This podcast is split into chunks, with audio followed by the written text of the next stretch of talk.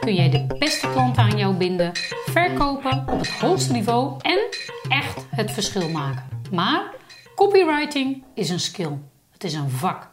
Mijn naam is Mirjam Slijkman. Als high-end business coach help ik ambitieuze ondernemers door te groeien naar een hoger niveau met hun bedrijf, zodat zij kunnen werken onder hun eigen voorwaarden met de beste klanten tegen de beste prijzen. In mijn podcast spreek ik met deelnemers uit mijn programma, oud-klanten en of andere high-end ondernemers uit mijn netwerk. Ik ben nieuwsgierig naar hun drive, de weg die zij hebben afgelegd en vooral welke impact zij willen maken voor hun klanten. En vandaag ga ik in gesprek met een van Nederlands meest gedreven en ambitieuze copywriters, Suzanne Wind. Suzanne werkt vooral met missiegedreven ondernemers die echt impact willen maken. Zij helpt hen naar een krachtige en heldere boodschap, zodat zij hun missie waarmaken. Geen 13 in een dozijn communicatie, maar teksten die raken. Suzanne is een razendsnelle denker. Zij loopt vaak 10 stappen vooruit en heeft zeer regelmatig briljante oplossingen en teksten die anderen niet voor mogelijk houden. Bliksemsnel ziet zij waar jouw potentieel zit en blinde vlekken doorbreekt zij moeiteloos. Haar motto: Change your words, change the world. Zij werkte eerder met grote ondernemers zoals Ilko de Boer, Janos, maar ook voor 365 dagen succesvol. Nu richt zij zich volledig op die experts die het lastig vinden om hun verhaal over de bühne te krijgen.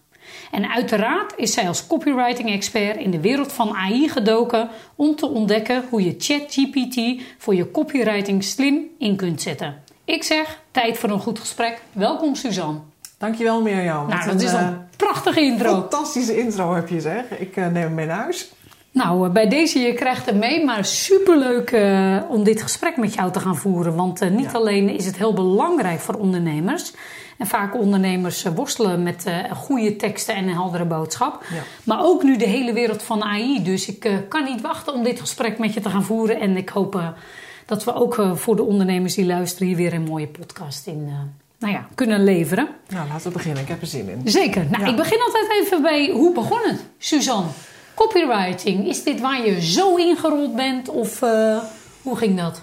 Nee, copywriting, dat, nee, dat, toen ik pas ondernemer werd, toen dacht ik van hé, hey, ik heb een probleem en ik kon niet goed schrijven, ik moet iets met copywriting doen. En uh, eigenlijk was Ilko degene die zei van uh, op een podcast dat ik hier hoorde van als ondernemer moet je echt de skill beheersen dat je kan copywriten. En toen dacht ik, ja, maar dat weet ik eigenlijk niet zo goed. Dus laat ik daar eens even in gaan verdiepen. Dus toen ben, ben ik daar helemaal ingedoken, ben ik een opleiding gaan volgen. En, en waar, welke tijd, uh, tijdspad hebben we dan een beetje over? Hoe oud was je toen je ondernemer werd, Suzanne? Nou, ik ben in 2017 begonnen. Dus in okay. 2017 heb ik dat direct als eerste opgepakt. Eigenlijk een beetje gelijk met mij echt als business coach. Uh, okay. Ja, ja, grappig. Dus 2017 ben ik daar begonnen, ben ik mijn eerste opleidingen gaan volgen. En dat vond ik echt fantastisch. Ik dacht echt, nou, dit is leuk.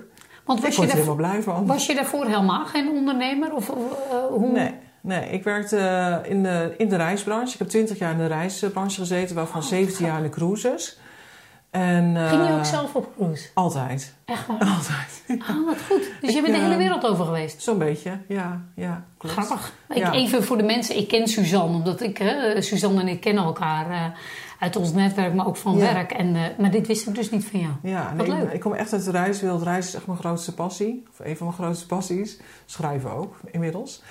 Um, ja, ik, ik vond het fantastisch. Mijn oma die, uh, die was altijd op reis. En wij als gezin deden dat... Ja, we gingen wel met de caravan weg. Maar we gingen nooit echt met een vliegtuig ergens ver weg. Maar mijn oma die deed dat wel. Die ging heel de wereld over. En die kwam dan al. terug. Ja? En die had allemaal van die fotoboekjes... En dat vond ik fantastisch. Dus iedere keer als zij terugkwam met al die foto's... en zaten we al die foto's door te bladeren. Nou, en toen dacht ik, ja, maar dit is wat ik wil.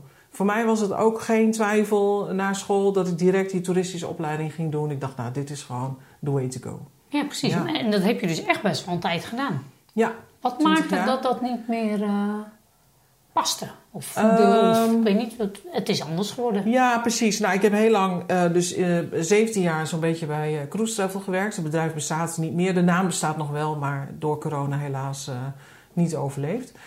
Um, ja, ik heb, uh, wat was je vraag ook weer? Sorry. Nou ja, wat heeft gemaakt dat je dat Ja. gestopt bent en eigenlijk de Ja. overstappen bent gaan Precies. maken naar ondernemen? Ehm, ik, zat, eh, ik heb heel lang in het MT gezeten van het bedrijf. Dus ik stuurde met een aantal mensen het bedrijf eh, aan. En op een gegeven moment, eh, er kwam, ja, cruisen was echt big business op dat moment. En er kwamen heel veel concurrenten bij. En we hadden heel veel moeite om staande te blijven.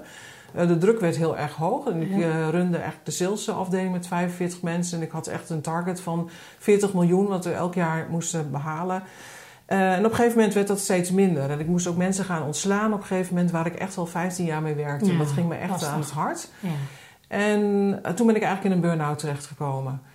En dat was in 2016. Nou ja, en vanuit daaruit moest ik weer terug gaan werken.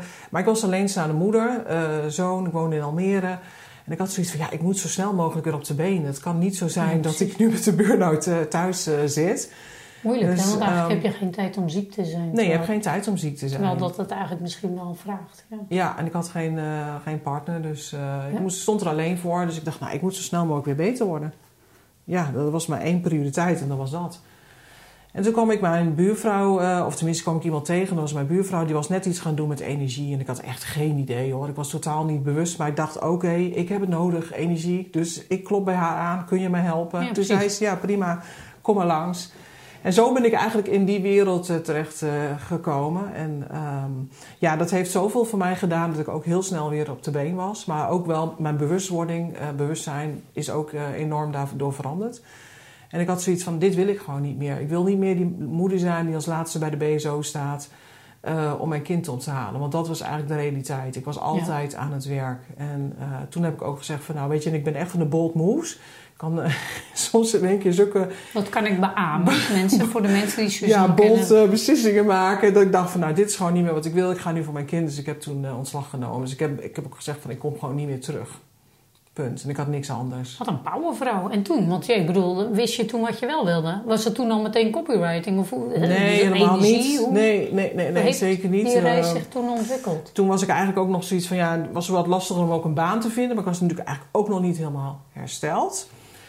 En ehm, toen dacht ik van, eh, nou, misschien moet ik voor mezelf gaan beginnen. Ja. En toen, mooi, hè? een mooie stap. Maar wist je toen ook wat? Nee, toen kwam ik eigenlijk met iemand in contact die zegt van zullen we een centrum op gaan zetten voor alternatieve zorg. Oké. Toen dacht ik, nou, dat is wel leuk. Ondertussen was ik ook energetische opleidingen gaan doen tot energetisch therapeut. Nou, dat vond ik wel interessant. Dus we hebben een pand eh, in Almere. Eh, met een aantal collega's zijn we dat gaan betrekken. En daar- uiteindelijk hebben we binnen een jaar hadden we heel het pand vol met 30 units met alleen maar coaches en eh, therapeuten erin. In de alternatieve zorg. Ah, weet je.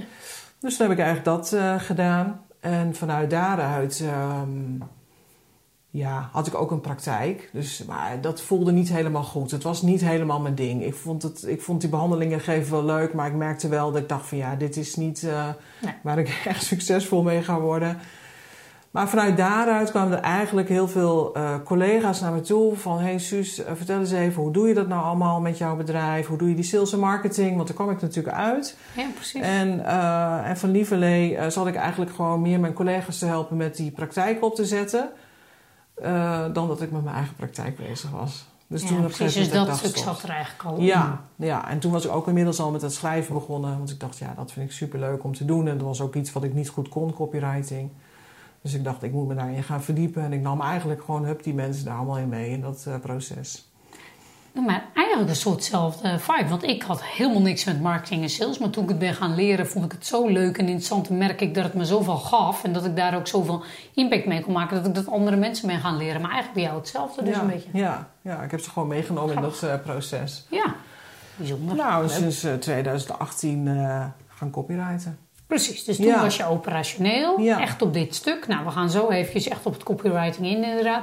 En toen, die eerste klussen, hoe, hoe was het eerst in het begin voor de, voor de lokale ondernemer? eh, heb je het meteen uh, groots aangepakt? Hoe heb jij dat Nou, ik aangepakt? zat natuurlijk al in dat centrum, dus ik had daar natuurlijk Ja. allemaal potentiële klanten. Nou, ik had geen klanten op dat moment, dus ik dacht, van, nou weet je wat ik doe? Ik maak gewoon een A4'tje en dan zet ik iets op, een programmaatje.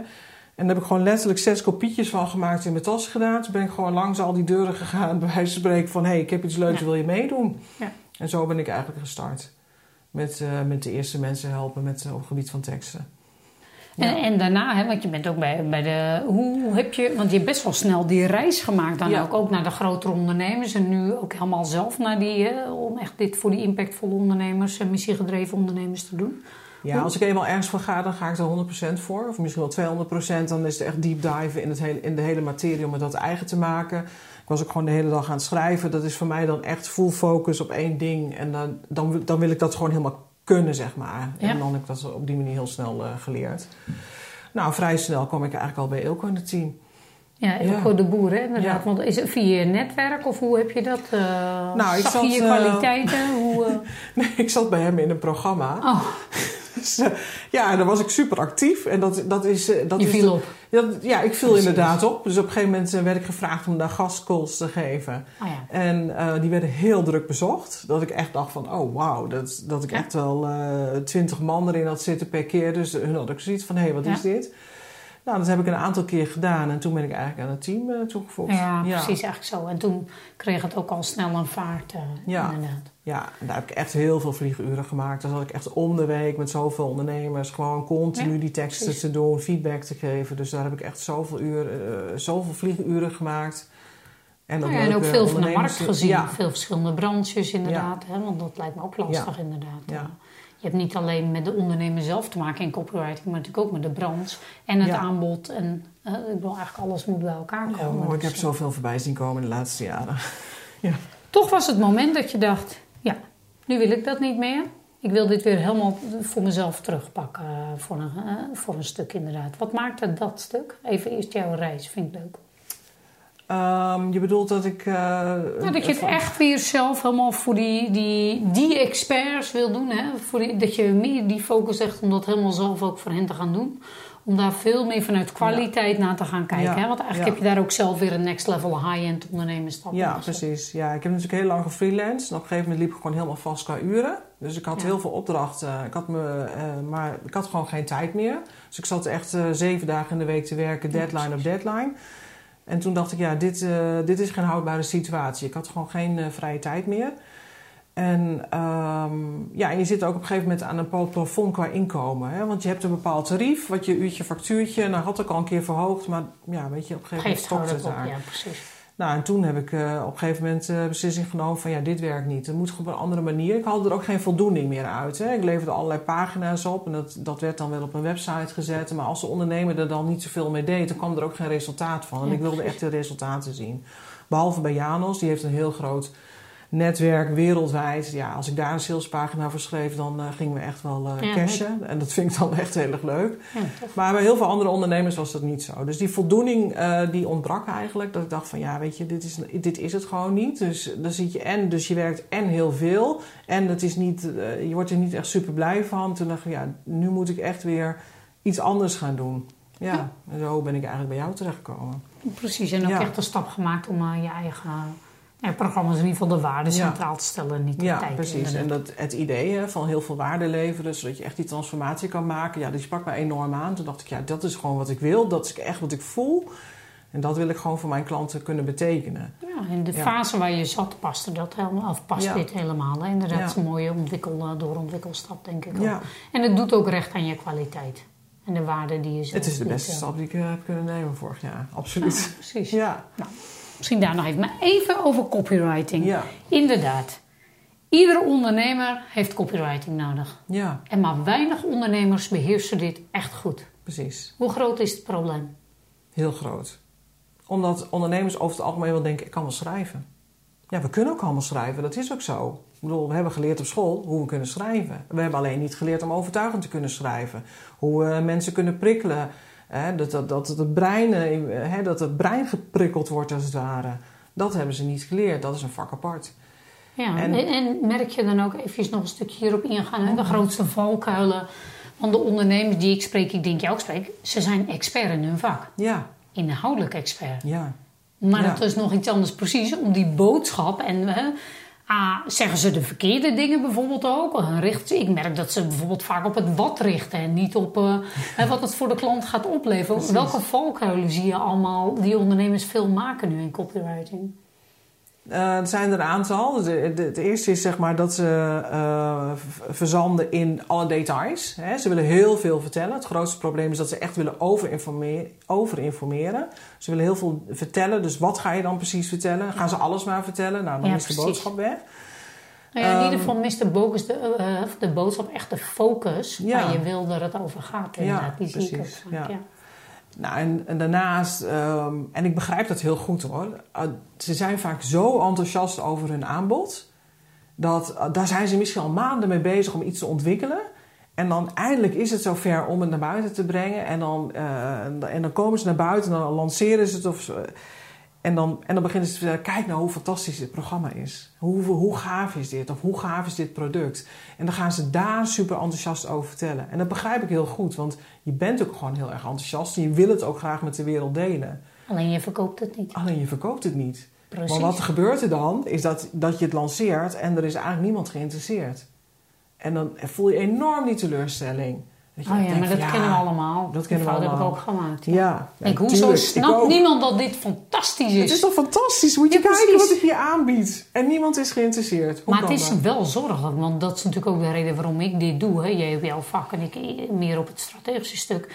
Is dat, dat is ook mijn missie, hetzelfde als jij. Dat, dat er zoveel ondernemers kunnen zijn die echt veel meer impact kunnen maken dan dat ze nu doen. Puur omdat ze deze skills niet beheersen. Precies, precies. En niet alleen copyright. Bij jou is het echt uh, natuurlijk uh, de, jouw expertise op dit stuk. Maar bij mij is ook het al in strategie zetten en dat stuk en het goed uitlijnen. Maar ik vind echt wel, daarom zei ik, begon ik met hoe groot is dit probleem. Nou, dat is voor mij ook wel de reden dat ik dit ben gaan doen. Maar jij ziet het probleem dus ook echt dat het... Ik ken weinig ondernemers die dit goed beheersen. Ja, het, het, is ook lastig. En zeker als het over jezelf gaat. Als het over jezelf gaat, dan vind ik het ook nog lastig. Als ik mijn eigen teksten moet schrijven, dan ben ik ook heel lang mee bezig. Wat maakt dat zo lastig? Niet alleen voor jou, maar ook voor ondernemers? Je weet heel veel. Je weet heel veel over jouw vakgebied. En wat is nou precies belangrijk wat, die, wat jouw klant of jouw toekomstige klant wil lezen? Waar die op aangaat, waar die op denkt van, oh ja, dat is wat ik nodig heb want jij vindt misschien dingen belangrijk die, uh, waar jouw klant helemaal niet op aangaat. Ja, en wat, wat is één uh, belangrijk ding dat je eruit kunt halen? Dat je zegt, nou ja, als je één ding doet, ook voor de luisteraars even, richt je dan in ieder geval daarop of zo. Of dat is belangrijk voor klanten om te horen. Nou, wat zij uh, vergeten is, kijk, je hebt een aantal stappen zeg maar, in teksten die je eigenlijk wil hebben. Dat zijn de vijf emoties, noem ik die dan. Hè? Dus teksten, mensen komen in beweging op het moment dat ze iets gaan voelen ze, ze, komen op een bepaalde website terecht, dan staan ze in standje neutraal, zeg ik altijd. En dan naarmate ze jouw website gaan lezen of jouw teksten gaan lezen, dan wil je ze eigenlijk meenemen als een versnellingsbak naar versnelling nummer 5. dat ze echt het gevoel krijgen tijdens die, dat lezen, dat ze denken van ja, het gaat hier over mij, dit is wat ik nodig heb. Um, ze voelen zich begrepen in de teksten. dus je wil ze eigenlijk meenemen in die emotionele reis als het ware. En wat je vaak ziet gebeuren, dat is dat, dat het niet gebeurt, is dat wij eigenlijk op een site terechtkomen en waar wij geïnformeerd worden. Ja, we worden gewoon geïnformeerd. We zijn gewoon te praktisch. Ja, dus wij komen op standje nul binnen en we blijven daar ook gewoon op zitten. We, worden, we krijgen een bak informatie over ons heen. Er gebeurt intern helemaal niks bij ons, bij de lezer. En uh, wat we dan gaan doen, als we gaan informeren, dan gaan wij dus analyseren. Dat is automatisch wat ons brein gaat doen. Dus we gaan die teksten gaan we dan analyseren. Nou, voordat je het weet, dan is het hub, backspace, knop, weg. Want dan vinden we er wat van. En maakt dat dan ook nog een verschil? Eventjes, ik zit meteen even te denken en ik kan me voorstellen dat luisteraars ook denken... als ik nou gewoon een hamer wil kopen, dan wil ik gewoon praktisch geïnformeerd worden. Wil ik dan ook emotie? Of gaat het meer ook, is het voor speciale uh, andere diensten of, of, dingen? Of is er een verschil tussen kleinere prijs en hogere prijs of zo? Maakt het iets uit? Of vraagt het altijd ook om die emotie te koppelen? Nou, als jij bij de gamma komt en je ziet tien hamers liggen. Ja, dat vind ik ook irritant. Ik wil gewoon twee. precies, dan gewoon een duur en een goedkoop en dan wil ik weten wat het verschil is. Ja, nou en uh, overal lees je inderdaad hoe goed ze zijn. Hè? Hoe ja. slagkracht ze hebben of weet, weet ik veel wat. En bij die ene hamer lees je net even net iets anders, waardoor je eigenlijk denkt van ja, maar dat is het verlangen wat ik heb. Dat ik heel snel een bepaalde muur kan doorbreken of zo. Precies. Nou, en als ik dat dan lees, dan denk ik, oh nou, maar die heb ik nodig. Ja, Dan ga je dus die kopen. Eigenlijk Dus- de key is wat jij zegt, jongens. Verkoop niet de hamer inderdaad. Maar verkoop vooral wat die hamer Precies. ook kan doen. Hè? Dat is wat ik zeg ook. joh, Ja. High-end klanten kopen perspectief. Ja. Maar dat moet je zeker ook in je marketing en zeker dus ook in je copywriting. Wat interessant is, wat ik ook zeg, is inderdaad, we worden praktisch overvoed. Maar je zegt ook, mensen willen de emotie eigenlijk meegenomen worden in een verhaal. Voor hoeveel procent is dat belangrijk voor sales? Of de volgende stap nemen, hè? maar ah, op weg naar sales. Nou, het allerbelangrijkste. Ja, precies. Ja. Ja. En hoe Ja. emotioneel, hebben we, het, hebben we het over een vurig betoog? Hebben we het over, of gaat het... Nou, gewoon even, ik zit een beetje te zoeken, hè. Want, eh, want mensen, ik kan me ook nog voorstellen dat ondernemers denken... Nou, dat verhaal, eh, een verhaal schrijven kan ik wel of zo. ja. Maar zou dat dan genoeg zijn? Of vraagt dat dan ook nog meer? Nou, als jij een salesgesprekken doet, dan is het wel gewoon belangrijk dat je echt op, bepaal, op dat verlangen van die klanten gaat zitten. Mhm. Hè, dus dat je eh, echt daarna gaat vragen en dat je niet gaat uitleggen. Hè, ik zat gisteren in een salesgesprek en dan ben ik ook weer de Bietenbrug opgegaan op het eind. Dan ging ik weer te veel informeren. Ah, Hè, dus in het begin van het gesprek had ik een heel leuk gesprek met een beste man. En eh, over waar hij naartoe wilde en zijn verlangens. En, en dat was echt een eh, heel mooi gesprek. En op een gegeven moment komt het dan van... ja, oké, wat, wat, wat kan ik dan voor hem betekenen bij wijze van spreken? Of nou ja, wat, niet bij wijze van spreken, wat kan ik voor hem betekenen? En dan ging ik weer helemaal in dat informeren stuk zitten. En je ziet gewoon dat iemand een beetje achterover gaat hangen... en, en, en wat minder geïnteresseerd is. Want het Hoeft ook niet meer echt. actief te zijn. Nee, Ja. precies. En dan zegt bedankt. Precies. Hier kan ik wel even verder mee. Nou, dat is dan nog niet, maar we gaan wel verder. Maar weet je, je voelt gewoon dat je denkt van... oh, wacht even, hier gaan we nu de verkeerde kant op. Oké, Ja. dus een belangrijk in ieder geval in copywriting is dat het niet over jou en jouw aanbod gaat, maar dat het vooral over het verlangen van de klant Precies, gaat. het verlangen, maar ook het resultaat. op een reis, ja, precies. Dat resultaat. Perspectief. Ze Eigenlijk, ze willen, je moet ze dat gevoel geven. Je moet ze eigenlijk zo enthousiast maken... Dat, dat, dat ze echt denken van... Yes, weet je, dit gaat mij echt helpen die volgende stappen te maken. Ja, Nou, en dat is natuurlijk eh, zowel in je berichten, in je contentkalender, maar het gaat ook over je websitepagina's, eh, landing sales pages inderdaad. eh. Als ik nou kijk, want iedereen heeft dit nodig. Maar goed, jij bent inmiddels verder, jij bent niet meer voor iedereen. Hè? De, de klanten die jij helpt, wie zijn precies die klanten en wat is hun specifieke worsteling? Want waarschijnlijk schrijven ze al of hebben ze al teksten. Wat vragen zij specifiek van jou? de heldere boodschap. Dus, eh, eh, dus daar start het eigenlijk mee. Ze weten niet precies goed of goed wat ze moeten schrijven. Dus dat, En- dat, dus dat- daar lopen ze wel op vast. Want Ja. zijn vaak al ondernemers hè, die Ja. wat, eh, wat langer bezig zijn. Volgens mij missiegedreven ondernemers vind jij Ja, belangrijk? missiegedreven ondernemers, echt ondernemers die andere mensen helpen het leven beter te maken. Daar ga ik echt helemaal op aan. Ehm, tuurlijk, die, die, die heldere boodschap is belangrijk. Maar vervolgens het onderscheidend zijn. Want je kunt wel een tekst schrijven, maar wat er dan gebeurt... op het moment dat jij achter je computer gaat zitten... en je gaat schrijven, dan komen al die remmetjes en stemmetjes... die komen in je hoofd. Hè, dus dat, dat gaat je al hinderen. En wat je, dan, wat, er dan, wat je vaak ziet gebeuren... is dat mensen dan toch maar weer heel algemene teksten gaan schrijven... die Ja, eigenlijk precies. al je con-collega's ook schrijven. Die 13 in een die dozijn 13 in een dozijn teksten. Alles op Ehm, de blacklist. ja. Woorden die op de blacklist belanden. Ja, precies. Ja, en, dat, en, en daar komen ze dan niet uit. Dus ze blijven continu in dat patroon vallen van die, die eh, algemene woorden die we overal zien. Maar ja, dat is juist het grote gevaar. Want als we allemaal eh, diezelfde woorden gebruiken, we lezen het wel, maar ons brein neemt het niet meer op. Dus je hebt een tekst geschreven en mensen lezen misschien wel de tekst op jouw website, maar het komt niet meer binnen. Het brein wordt niet geprikkeld. Dus ze kunnen aan het eind van de pagina eigenlijk niet vertellen ja, wat ze nou precies gelezen hebben. Laat staan dat ze nog dat gevoel hebben hè, van de vijfde versnelling. Dat ze zoiets hebben van yes, weet je, dit is wat ik nodig heb. Ik ga nu de telefoon oppakken om een afspraak in te boeken. Of Ja. op de rode knop te drukken om iets te kopen. Nou heb ik ook vaak het idee, hè, soms bij eh, ondernemers, en zeker ondernemers die al verder zijn, weet je, die hebben vaak allemaal kunstjes aangeleerd. Of hey, je moet dit doen of je moet dat doen. Ja, Maar ik sta zelf heel erg voor, voor marketing is geen kunstje. nee, En ook geen blauwdruk. Het is kijk jouw jij energie. Ja, precies. Jouw energie moet in die teksten zitten. Energy. It's all about Ja, energy. het gaat alle- Even los van de strategische structuur Precies. en de emotie, maar het gaat om de energie die erachter Ja. zit. Het gaat echt om jouw energie. En gebruik gewoon ook de woorden die jij gewoon gebruikt in je dagelijkse taal. Dus heb je inderdaad dat je vaak Engelstalige woorden gebruikt. Ja, weet je, gebruik ze ook gewoon in jouw teksten. Want dat is tenminste congruent met wie jij bent. Precies, dus hoe authentieker, hoe beter. Ja, precies. Dus het is, het is een mengeling van skills eigenlijk in die teksten, maar vooral de energie is het allerbelangrijkste. Nou ja, ik merk toch dat, eh, net ik zeg, Ja. hè, de allerlei cursussen zijn geleerd. Dan Ja. moet je dit of dan moet je dat. Nou ja, allemaal heel waardevol. Ik zeg niet dat het niet, niet waar is. Mhm. Maar volgens mij gaat marketing pas echt werken voor je. Als je bij jezelf authentiek kunt zijn en daarmee de verhalen naar buiten gaat brengen. Ja. Die jij wil brengen voor jouw klanten. Ja, Ook al inspireer je er maar één iemand mee.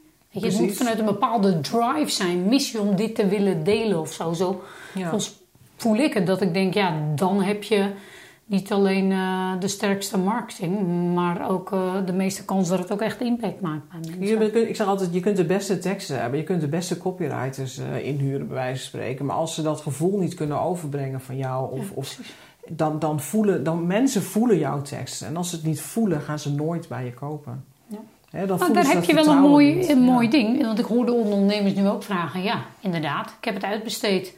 Maar, maar het was niet mij. klopt. Hoe, hoe, want inderdaad, als je doorgroeit, het niveau met Ja. de ondernemers waar wij werken, Ja. is het nodig dat zij taken uit gaan besteden. Ze kunnen ook niet alles meer zelf. Ja. Eh, nou ja, hè, dus ook ik heb wel mensen die, eh, die eh, teksten schrijven voor me, hoewel ik nog wel ook veel zelf schrijf. Ja.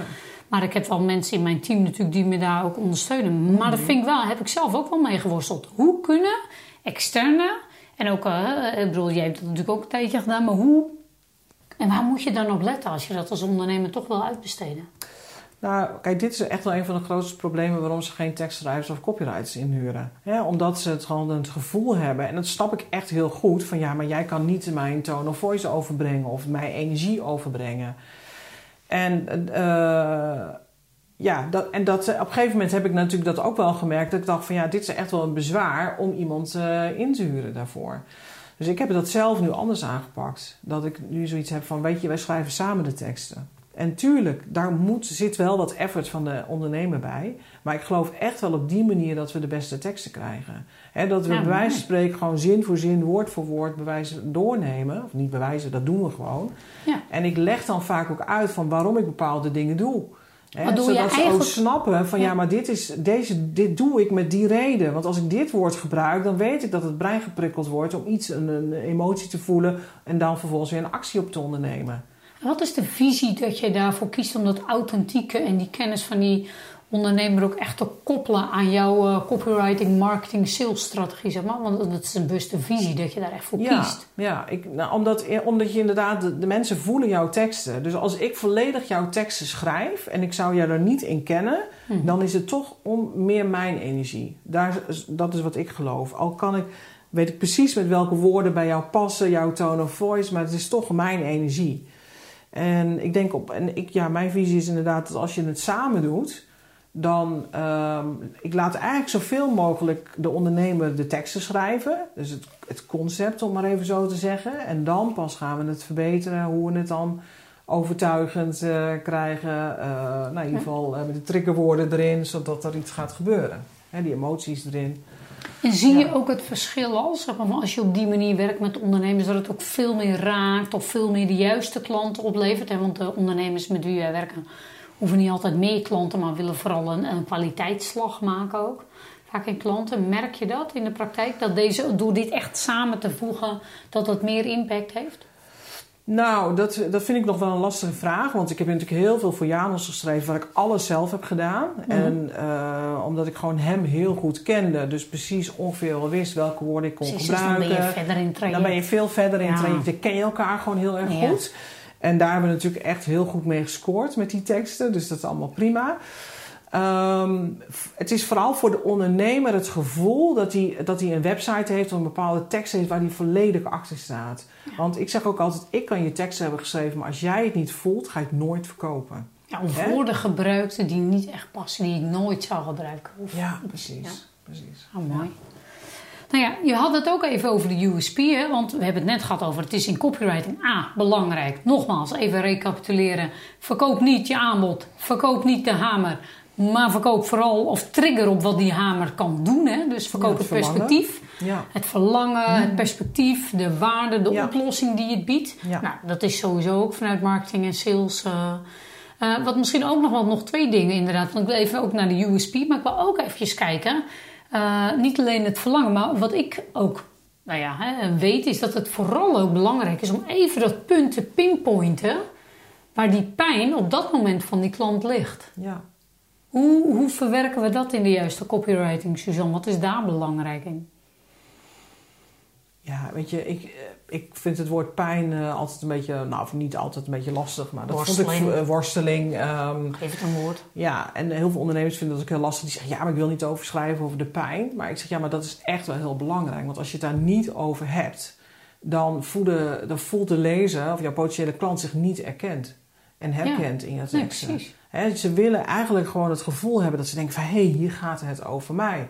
Dus op het moment dat jij die pijn niet benoemt... ja, dan gaan ze het ook niet voelen. Dus dan lezen ze je tekst wel, maar dan gebeurt er weer helemaal niks. En ze voelen zich gewoon niet aangesproken. Dan voelen ze zich niet aangesproken, inderdaad. Ja. En, En- het verlangen kan ook, hè? dus je kan ook op het verlangen zitten. Alleen pijn, ja, doet nog meer pijn. dus die komt nog meer binnen, zeg maar. Ja, ja. Ja, Precies, volgens mij staat het een niet, is het zowel het pijn als het verlangen. Zou het helemaal sterker maken. Ja. Dat mensen en herkennen Ja. van joh, oh jeetje, de, de- ze snapt ja.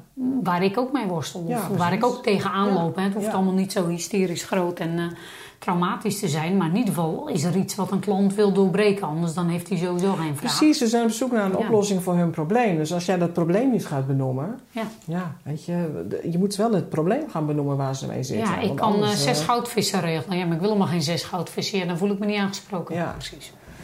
Maar goed, helder. Ja, Dan nog even over die USP, want dat vind ik ook een interessant inderdaad. Want het Mhm. gaat dus niet alleen over de strategische vaardigheden. Maar jij zegt, ik ga, hè, eh, dat leer ik ze, waarin ik dat echt samen ga doen. Mhm. Maar we willen het ook echt onderscheidend hebben. ja. Hè, voor die klant op dat niveau, als je net start, ben je daar allemaal niet zo mee bezig. Maar als je verder bent, Ja. wordt dat des te belangrijker ook voor je brand. Om je, hè, de- bij mij ook, er zijn meer business coaches ja. in de, nou, een heleboel eigenlijk. Niet dat ik er zo mee bezig ben, maar ik weet dat ze er zijn. Hè, dus wat kenmerkt nou echt mij, waar de mensen ook echt voor kiezen? Hè, dus Ja. dus dat is een, hoe pak jij dat aan met jouw ondernemers, de klanten die jij helpt?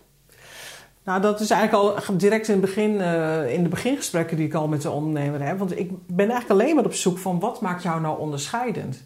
Hè, dus wat, wat, wat bied jij of wat kan jij of wat talent heb jij eh, waardoor jij dus anders bent dan de anderen op jouw vakgebied? Want als we dat niet hebben, ja, dan is het eigenlijk al tien punten eh, lopen we dan al achter bij wijze van spreken. Nou, Maar je wil, het- ja, we willen met die USP natuurlijk gewoon dat gaan uitlichten waarom ze bij jou moeten zijn. Dus, die, dus eh, tijdens de gesprekken om die heldere boodschap eruit te krijgen, is dat, ook eigenlijk hetgene. al fase 1. Ja, fase 1 waar we ons op gaan richten van hé, hoe zit dat nou precies? En veel ondernemers weten het niet zo goed van zichzelf. Dus Nee? daar, nee, nee. Dus, daar is, dus ik zeg ook wel, ik ben een intuïtieve copywriting. Ik ga echt kijken naar die diepere laag van hé, wat zit daar nou in jou, wat die, in- die in jouw binnenste als het ware, wat ik eruit kan halen, wat jou heel bijzonder maakt. Ja, en dat mooi. is echt het hele grote verschil, denk ik, eh, met heel veel andere copywriters. Als ik even mag opscheppen. Hè, Zeker dus mag, dat jouw podcast. dat je inderdaad gewoon echt die, die, dat, die woorden, waar, eh, dat gevoel zeg maar wat ze hebben, waar ze geen woorden aan kunnen geven, dat je dat eruit trekt. Ja, dus En het dat gaat ook gaat echt wel even en dieper dan een paar teksten Ja, schrijven. nee, maar ja. dat moeten we wel We goed gaan echt wel deep diven om, om echt ehm, ja, jouw kwaliteit, eh, waar je razend goed in bent. En weet je, veel, vaak zie je het ook gewoon niet. Hè? Voor jou is het ook gewoon heel normaal waar je goed in bent. Maar ik zie Ja, het wel. Dus dat potentieel, dat haal ik er zo uit. Ik check het wel altijd bij mensen. Dan zal ik ook nog steeds hoor deep diven moeten gaan. Maar Ja. bijvoorbeeld ook in dingen. Ik vraag ook altijd aan mensen wat zij kenmerkend vinden. Zo, hè? echt eh adjectives of eh, dat soort dingen. En, eh, maar goed, dan nog zal het. Eh, wat kenmerkt mij nou helemaal inderdaad? Ja, interessant. Ja. Oké, dus even naar de stappen. Stel, jij gaat met eh, die ondernemers aan de slag. Hè? Ondernemers die al verder zijn, die echt een missie hebben, die aan alles voelen dat het erin zit. Maar op een of andere manier, door de, hun messaging naar buiten, omdat ze geen heldere boodschap hebben, bereiken ze eigenlijk niet publiek of maken ze hun missie niet waar, of bereiken, hebben ze niet eh, die impact die ze echt willen hebben. ja. Die ondernemer, en dat kan in verschillende branches zijn, neem ik aan, toch? Of is het Ehm, specifiek voor eh, bepaalde ondernemers interessanter? Om met mij te werken, bedoel je? Ja, precies. Nou, ik ga echt wel voor die missiegedreven ondernemers. Ja. Ehm, ik wil niet zeggen dat ik geen IT-bedrijven help. Die heb ik ook. Als ze maar een goede missie hebben. precies. precies. Het gaat wel een beetje denken om de ondernemer. Dat, dat, dat, Ja, ja, ja, dat moet daar even echt... matchen, eh, ja, precies. Ja. Ja, zeker als je deep dive gaat. Ja. Maar dan ga je de stappen maken. Inderdaad, stap 1 ga je eerst kijken, helemaal deep dive naar hè, USP, Ja. jouw onderscheidendheid. Wat is dan de volgende, wat zijn de volgende stappen om dit helemaal wel eh Nou, die er zijn een aantal dingen voordat ik überhaupt begin te schrijven. Dat zijn de heldere boodschap. Je moet, die boodschap moet glashelder zijn. Je ideale klant. Oh Hè, dus die ideale klant is voor mij echt heel belangrijk. En niet op een aantal basisgegevens, wat ik vaak krijg van ondernemers, maar echt deep dive om te kijken van wat is het gedrag van die ideale klant? Wat zijn de gevoelens? Wat zijn de hersenspinsels? Ja. Weet je, dus echt op dat, die eigenschappen van de ideale klant, die wil ik echt eh, helemaal in beeld hebben. Eh, daar gebruik ik nu tegenwoordig ook chat eh, GTP, GTP voor om dat ook uit te zoeken. Dat is een hele handig hulpmiddel. Eh, dan wil ik weten, wat, wat ga je nou precies verkopen? Wat wordt je aanbod? En je verkoopstrategie. En als we dan als we die dingen al helemaal helder hebben, nou, dan kunnen we gaan schrijven. Dan kunnen we die teksten gaan aanpassen. Want de meeste ondernemers die bij mij komen, die hebben al teksten. Nou, het kan zijn dat het aangepast moet worden. 9 van de 10 keer gaan ze helemaal opnieuw. Dus dan pas gaan we schrijven, kijken wat de tone of voice is van, eh, van wat bij jou past, maar wat Ja. natuurlijk ook aansluit bij je doelgroep, is ook belangrijk. Ehm, en dan vervolgens gaan we, als dat allemaal staat, dan kijken we, oké, welke content kan je nou precies gaan produceren? Dus hoe word je nou die autoriteit in je markt? Ja. Wat is daar nou voor nodig om echt eh, dat jij zometeen gezien wordt als die autoriteit in de markt? Dus door bijvoorbeeld vragen te gaan beantwoorden voor klanten. Dus eh, daar eerlijk en transparant ook over te zijn. Ja. Ja, Dus dus dat zijn eigenlijk de die hele strategie, ja, dus eigenlijk 90% van het succes is de voorbereiding. Ja. Ja, Mooi. Daar zit het meeste- titel voor een blog. Precies, maar dat, dat, dat is het eigenlijk, ja. Ja. Daar gaat heel veel tijd in zitten. Niet het Nee, en de meeste mensen gaan meteen naar die 10% die teksten schrijven, inderdaad. Maar daar maak jij echt het verschil dat je echt, nou ja, 90, misschien 80%, hè, maar dat echt dat, dat voorwerk goed Het neerzet. Want voorwerk dan, is heel belangrijk. Want dat heb, Ja. dat heb ik natuurlijk uit alle ervaringen van eh, mijn freelance copywriter tijd. Dat eh, je eigenlijk vaak na één intake of één gesprek of zo al gaat schrijven. En dan kom, je- krijg je net niet de goede teksten. Dus op een gegeven moment dacht ik van nee, dat klopt niet. Dus 60% zit echt in de voorbereiding. En misschien maar 30% schrijven. Want als ik mijn voorbereiding goed heb, gaat het schrijven heel snel. ja, precies. 10% eh, correcties. Nou, daarin ben je echt onderscheidend, vind ik. En daar ook echt de expert in jouw markt, zeker op dit stuk. Want als je dan toch doet, inderdaad, zorg dat je dan een goede fundering hebt om dat Ja. ook echt eh, te kunnen doen. Je noemde het net al even, ChatGPT, de hele wereld van AI en copywriting. Heb jij nog een vak over een paar jaar, Suzanne? Nou, dus, begin van het jaar dacht ik van nou, ik kan de tent wel sluiten. Ja, dat heb ik echt gedacht. En wat Ben- gebeurde er twee weken later?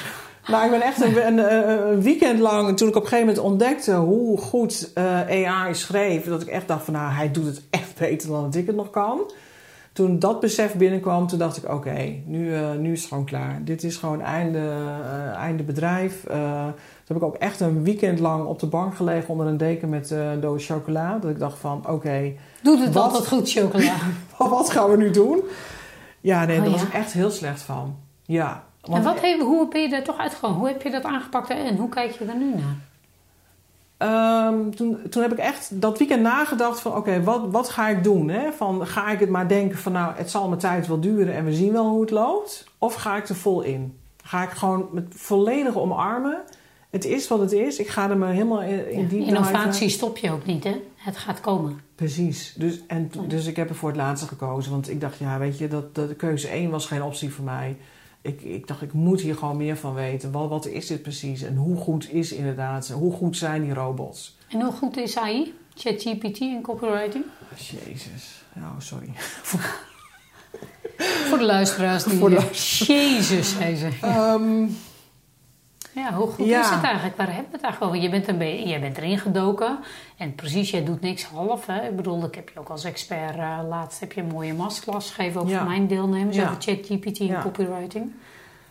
het is gewoon, voor ondernemen is het gewoon life-changing. Kijk, ik kan natuurlijk zeggen dat je schrijftijd halveert... en dat het een eh, magische, creatieve breinbox is. Maar welke drie dingen Maar- zijn zo essentieel dat je denkt... nou, dat gaat echt het verschil maken? Dat je, je kunt nu eh, zeg maar ehm, eh, content produceren of je, je kan bijvoorbeeld vragen stellen aan ChatGPT over jouw ideale klant. Van waar zij mee zitten, waar je misschien voorheen eh, zonder de robots heel lang mee bezig was en nog niet precies wist wat nou jouw probleem is van jouw klanten, waar ze allemaal mee zitten, dat haal je er nu in vijf minuten uit. En dat is mindblowing van wat je dan terugkrijgt. Dus, en dat zorgt ervoor dat jij uh, eigenlijk als bedrijf, denk ik, veel sneller kunt groeien. Want je hebt die informatie, dus je kunt daar ook op inspelen. Dus je krijgt heel veel vragen terug en antwoorden waarvan je denkt van... oh, wauw, daar heb ik echt nooit aan gedacht. Je hebt toch beperkt, beperkende gedachten, zeg maar. Ja. En, en, en ChatGPT is zoveel slimmer, die kijkt zoveel verder... dat je echt dingen terugkrijgt dat je denkt van... wow, als ik hier de antwoorden op ga bedenken... kan ik mijn content, hè, dus mijn teksten kwalitatief gewoon veel uh, naar een hoger niveau ook tillen. Ja, dus echt die klant heb je instant scherp. Ja.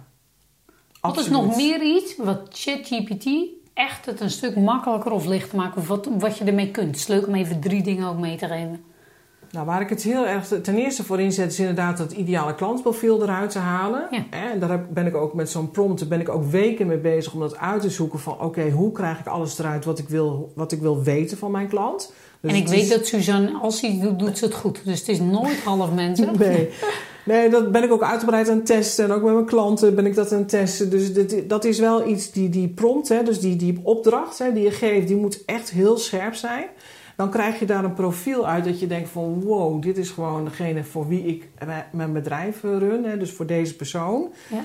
En als je dat dan hebt, hè, dus je hebt die gegevens van jouw ideale klant. Ja, dan kan je dus heel makkelijk de one-liners, een heldere boodschap produceren. Ik heb gisteren een sales script eruit gehaald. dus hij schrijft helemaal een sales script voor je.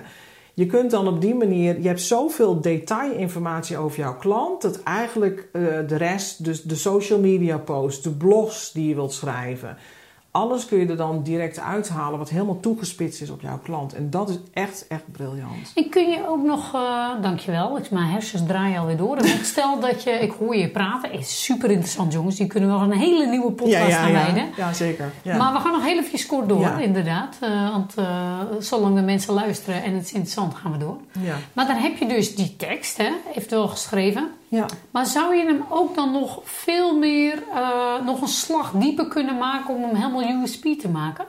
Ook op mij, of kan dat wel weer niet met ChatGPT? Nou, alles kan. Wat je, wat je nu bedenkt, dat kan gewoon. Je moet alleen de juiste vraag stellen.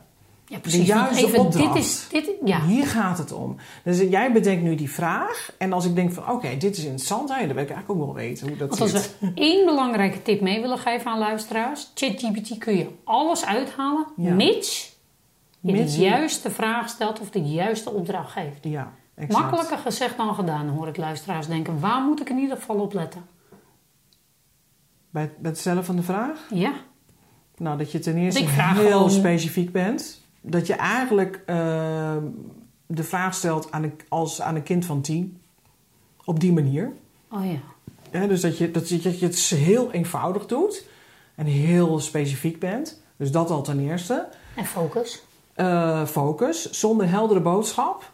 En um, weet je, krijg je ook niet de juiste informatie eruit. Dus dat, dat al, uh, dat sowieso al voorop uh, gesteld. En ja, ik heb prompts die zijn gewoon één A4'tje lang. Dus je kunt heel veel dingen vragen. Het is niet één of twee Even mensen denken prompts. Ja, prompts is dus de opdracht. Okay. Ja. Heel goed. Hè? Even voor de vertaling, voor de mensen die denken, waar heeft ze het over? Ja, de prompt is de opdracht die je geeft. Die, die, moet heel specifiek zijn. Die mag ook wel heel uitgebreid zijn. Dus je kunt echt, als, ja, heb, uh, heb het idee dat je gewoon met een kind van tien aan het praten bent. Op die manier praat je ook tegen de, de robot, ChatGPT. Ja. Interessant. Dus, nog steeds. Ik weet dat heel veel mensen, iedereen probeert ChatGPT ja. wel. Er is niemand die denk ik niet nog even geprobeerd heeft. Nou ja, goed, er zullen vast wat mensen zijn. Maar ik denk dat nog zo'n uh, eh, 98% van de ondernemers er niet uithaalt wat ze allemaal eruit kunnen halen. En dat ook echt niet weten. Nee, en alleen al omdat ze ook niet de goede vragen stellen, Precies. denk ik. Iedereen, er dus zijn natuurlijk miljoenen gebruikers van ChatGPT, maar iedereen blijft een beetje aan die, bij die simpele prompts hangen. Waardoor ze ook zeggen van ja, het werkt niet, het werkt niet. Ik zeg nee, het werkt wel. Alleen je moet de juiste vragen stellen. Je moet de juiste informatie vragen om terug te krijgen. Dus ook als deze ontwikkeling er is, ligt er voor jou ook de schone taak, en mooi dat je er dus toch helemaal ingedoken bent, ja. om deze ondernemers te helpen. Hoe zet je ChatGPT ook echt eh, resultaatgericht in. resultaatgericht in. Dat het ook echt Ja. gaat werken voor je. Want met een Ja. slappe vraag krijg je ook een slap antwoord. En dan krijg je weer dit in de dozijn. Precies. En omdat je als jij bijvoorbeeld al precies weet wie jouw ideale klant is. En jij weet ook wat jouw heldere boodschap is. Dus die twee eh, componenten die heb je glashelder voor jezelf. Die zet je dan in ChatGTP. En dan ga je vervolgens de vraag stellen. Pakt hij dus ook de informatie uit die heldere boodschap en uit die, dat profiel. Ja. En daardoor krijg je het scherp. Interessant, Suzanne. We zouden hier nog weken over door kunnen praten. Een voorbeeld, ik was eh, eh, maandag bij een eh, designbedrijf wat echt lampen maakt voor unieke lampen, dus gewoon handgemaakte lampen. Nou, ik heb daar, eh, we hebben daar een aantal eh, vragen dus eh, van hey, wat is nou hun kernboodschap helder gekregen. En vervolgens wie is hun klant. En ik ben gisterochtend gaan zitten. Ik heb het allemaal ingevoerd. met, met de prompts die ik dan daarvoor ontwikkeld heb. En dan heb ik binnen een uur heb ik een 10 pagina's document met exact wie de klant is, waar ze, wat zijn bezwaren zijn, wat zijn koopmotieven zijn, waar die op aangaat, eh, wa- wat al zijn vragen zijn, waar die overal tegenaan loopt bij, in zijn zoektocht naar die speciale lamp die hij dan graag wil hebben. Eh, en een heldere boodschap eh, komt eruit. En ik weet, ja, binnen nou ja, ik had het binnen eh, een, een uur geregeld. Win-win. Maakt niet alleen jouw tijd korter, Ja. maar ook voor de klant nog veel waardevoller, omdat ze ook in kortere tijd een veel heldere boodschap hebben. Dus het is niet de vraag: heb je nog een vak? Ik denk dat je er gewoon dat jouw vak doorontwikkeld is. De komende Ja. jaren, niemand weet hoe ze ChatGPT goed gebruiken. En er zijn Ja. een aantal experts natuurlijk in de wereld die zich hier helemaal in verdiepen. Ja, Maar als gewoon ondernemer, als ik eh, zoveel uur werk, heb ik er helemaal niet de tijd voor. Dus dan inderdaad heb ik toch een expert nodig om te zorgen dat ik. eh, Ja, want ik, ik, ik weet zeker, ik kan jou die vraag stellen, maar jij gaat het niet uitkrijgen. Precies. Ja, Dus daarin heb jij je ook doorontwikkeld als expert. Niet alleen hè, copywriting en ChatGPT kun je niet loszien van elkaar. Het moet juist elkaar versterken. nee, kijk, weet je, ChatGPT schrijft gewoon fantastische teksten. Hè, en dus vaak nog een beetje algemeen. Nou, daar heb je ook wel allerlei oplossingen voor. Dus het, het niveau van eh, content gaat enorm verhogen bij iedereen. Hè. Als je dat niet doet dan, en je ligt nog te snurken, weet je, dan loop je echt achter de feiten aan zometeen Ja. als ondernemer zijnde. Dus weet je, iedereen kan zometeen goede teksten schrijven. Dus dat, ehm, eh, dat gaat gewoon gebeuren. Dus jij kan nu als ondernemer niet denken van... nou oké, ik ga nu achterover hangen en het zal mijn tijd wel duren. Want dan Dat word je echt echt... een belangrijke tip. hè? Ja, dan word je echt voorbij gehold zometeen door je collega's. Ja. Je con-collega's, ja. We gaan hem afronden, Suzanne. Want eh, Ja, ja, nogmaals, we kunnen hier weer... Ja, ik ook. Het is ook zo interessant. En de wereld staat Ja. zo in copywriting en, eh en ChatGPT natuurlijk op zijn kop. Maar eh, nou, gelukkig, jij hebt al eh, ingezet ook op een aantal masterclasses. Heb je al gedaan ook. Ja. Over voor, eh, nou, voor die ondernemers hè, die op dit niveau zijn. En daar ook echt die slag in willen maken. Ja, Niet alleen meer onderscheidend zijn, maar ook gewoon met een krachtige, heldere boodschap met behulp van ChatGPT inderdaad dat ook echt neerzetten. Mhm. Eh, stel dat er ondernemers zijn die dit ook willen of daar in ieder geval eens met jou verder over willen praten. Wat is dan de snelste weg om eventjes contact met jou te kunnen leggen? Nou sowieso via mijn website, succesmetwoorden.nl. Succesmetwoorden.nl Heel makkelijk. En ehm, ik heb nu een aantal masterclasses gegeven. Die ga ik zeker na de zomer eh, ook weer geven. Eh, want daar is gewoon ontzettend veel belangstelling voor. Hou de website even in de Hou de gaten. website inderdaad even in de gaten. Ehm, ik heb natuurlijk ook altijd masterclasses heldere boodschap. Die zijn natuurlijk eh, ook heel belangrijk. Hè? Wat is jouw bedrijfsboodschap? Hè? Dus om die in, één dag, hè, in één dag helder te krijgen. Precies, want als je dat niet helder hebt, kun je ChatGPT ook niet de juiste instructie geven. Precies. Toch? En natuurlijk met je ideale klant. Maar daar weet ik ook alles van. Dus daar kun je ook bij me over terecht. Ja. Superleuk, eh, Suzanne. Ik wil je onwijs bedanken. Je bent echt een, eh, echt een vakvrouw. En bijzonder hoe jij deze reis ook de afgelopen jaren... Ja, ik zie hoe eh, gedreven en ambitieus je zelf bent. Je bent echt helemaal copywriting-minded. En ook zo betrokken bij de klanten die je helpt. En, Ja. Ja, fantastisch dat je zelf ook deze stap hebt gemaakt. Hè? Ook om echt vanuit die toegevoegde waarde met klanten te gaan werken. Ja. Want eh, nou ja, dat zei je al. Dat is een van de beste stappen die je hebt kunnen maken. En eh, nou ja, ik zie hoeveel nog meer van betekenis je ook kunt zijn voor jouw klanten. ja, zeker. Dus, eh, Ja. Mooi. Dankjewel. Lieve luisteraars, eh, we gaan hem afronden. Nogmaals, wil je in contact komen met Suzanne Wind? Link sowieso eventjes met haar op LinkedIn of op Ja. andere socials, Insta. Kijk even op haar website www.succesmetwoorden.nl En uh, ze doet verschillende dingen. Je ideale klant, je heldere boodschap, maar ook uh, masterclass over hoe je ChatGPT inzet om eh, nou ja, jouw copywriting nog veel scherper te zetten. Wil je gewoon eens even één, met één op één met haar sparren, dan kan dat waarschijnlijk ook, ook via een website. Ja. Dus eh, doe je voordeel mee. Suzanne, ik wil je hartelijk bedanken. En eh, lieve luisteraars, volgende keer hebben we weer een ander onderwerp. Stay tuned. En wat het is, jullie weten het. We houden het nog even schijn. See you next time.